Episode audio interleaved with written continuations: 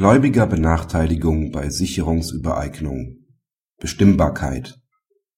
Übereignet der Schuldner zunächst Bestandteile seines Geschäftsbetriebs zur Sicherung eines Darlehens und wird dann der Geschäftsbetrieb als Ganzes unter Eigentumsvorbehalt an einen Dritten veräußert, so liegt eine Gläubigerbenachteiligung vor, wenn der Dritte angewiesen wird, an den Sicherungsnehmer zu zahlen und die Höhe der Zahlung den Wert des insolvenzfest übereigneten Sicherungsguts übersteigt Tritt der Schuldner im Zusammenhang mit der Sicherungsübereignung einzelner Gegenstände die aus einem Verkauf des Sicherungsguts entstehenden Forderungen an den Sicherungsnehmer ab und veräußert er sodann den gesamten Geschäftsbetrieb einschließlich des Sicherungsguts für einen Einheitspreis an einen Dritten, geht die Vorausabtretung ins Leere.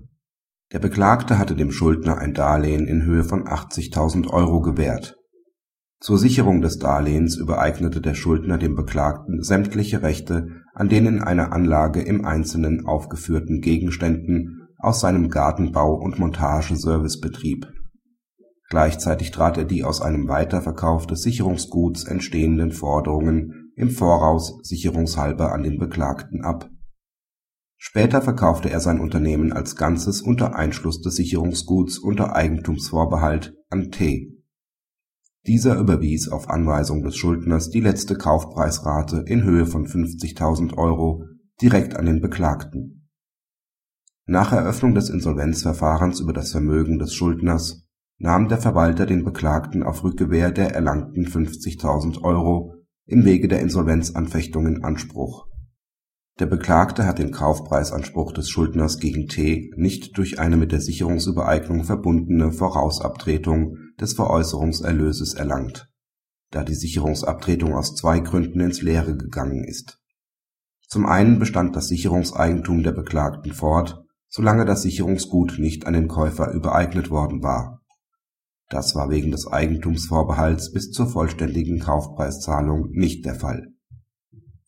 Mit vollständiger Bezahlung erlosch der Kaufpreisanspruch und konnte von einer Anschlusszession nicht erfasst werden zum anderen war das Unternehmen als Ganzes veräußert, eine Forderung aus dem Verkauf einer Gesamtheit von Waren oder des ganzen Geschäftsbetriebs hingegen nicht an den Beklagten abgetreten worden. Da für das Unternehmen ein Einheitspreis gezahlt wurde, fehlt es an der Individualisierbarkeit der auf das Sicherungsgut entfallenden Forderungsteile, so dass die abgetretene Forderung nicht hinreichend bestimmbar ist. Für das Vorliegen einer Gläubigerbenachteiligung ist entscheidend ob die an den Beklagten erwirkte Zahlung dem Wert des Sicherungseigentums, das dieser in anfechtungsfester Weise erworben hatte, entspricht. Löst der Schuldner ein Absonderungsrecht durch Zahlung ab, scheidet eine Gläubigerbenachteiligung aus, wenn die Höhe der Zahlung nicht den Erlös überschreitet, den der Absonderungsberechtigte bei Verwertung des Sicherungsgegenstands hätte erzielen können etwas anderes ergibt sich auch dann nicht, wenn, wie hier, das Sicherungseigentum des Beklagten dadurch abgelöst wurde, dass T als Vorbehaltskäufer die letzte Kaufpreisrate an diesen gezahlt hat. Hier hatte der Kläger einen Wert des Sicherungsguts von 15.400 Euro vorgetragen, so dass eine Gläubigerbenachteiligung in Höhe von 34.600 Euro vorläge. Da die Vorinstanz den entsprechenden Beweis nicht erhoben hat und Feststellungen zu den weiteren Voraussetzungen eines Anfechtungsanspruchs fehlen, war die Sache zurückzuverweisen.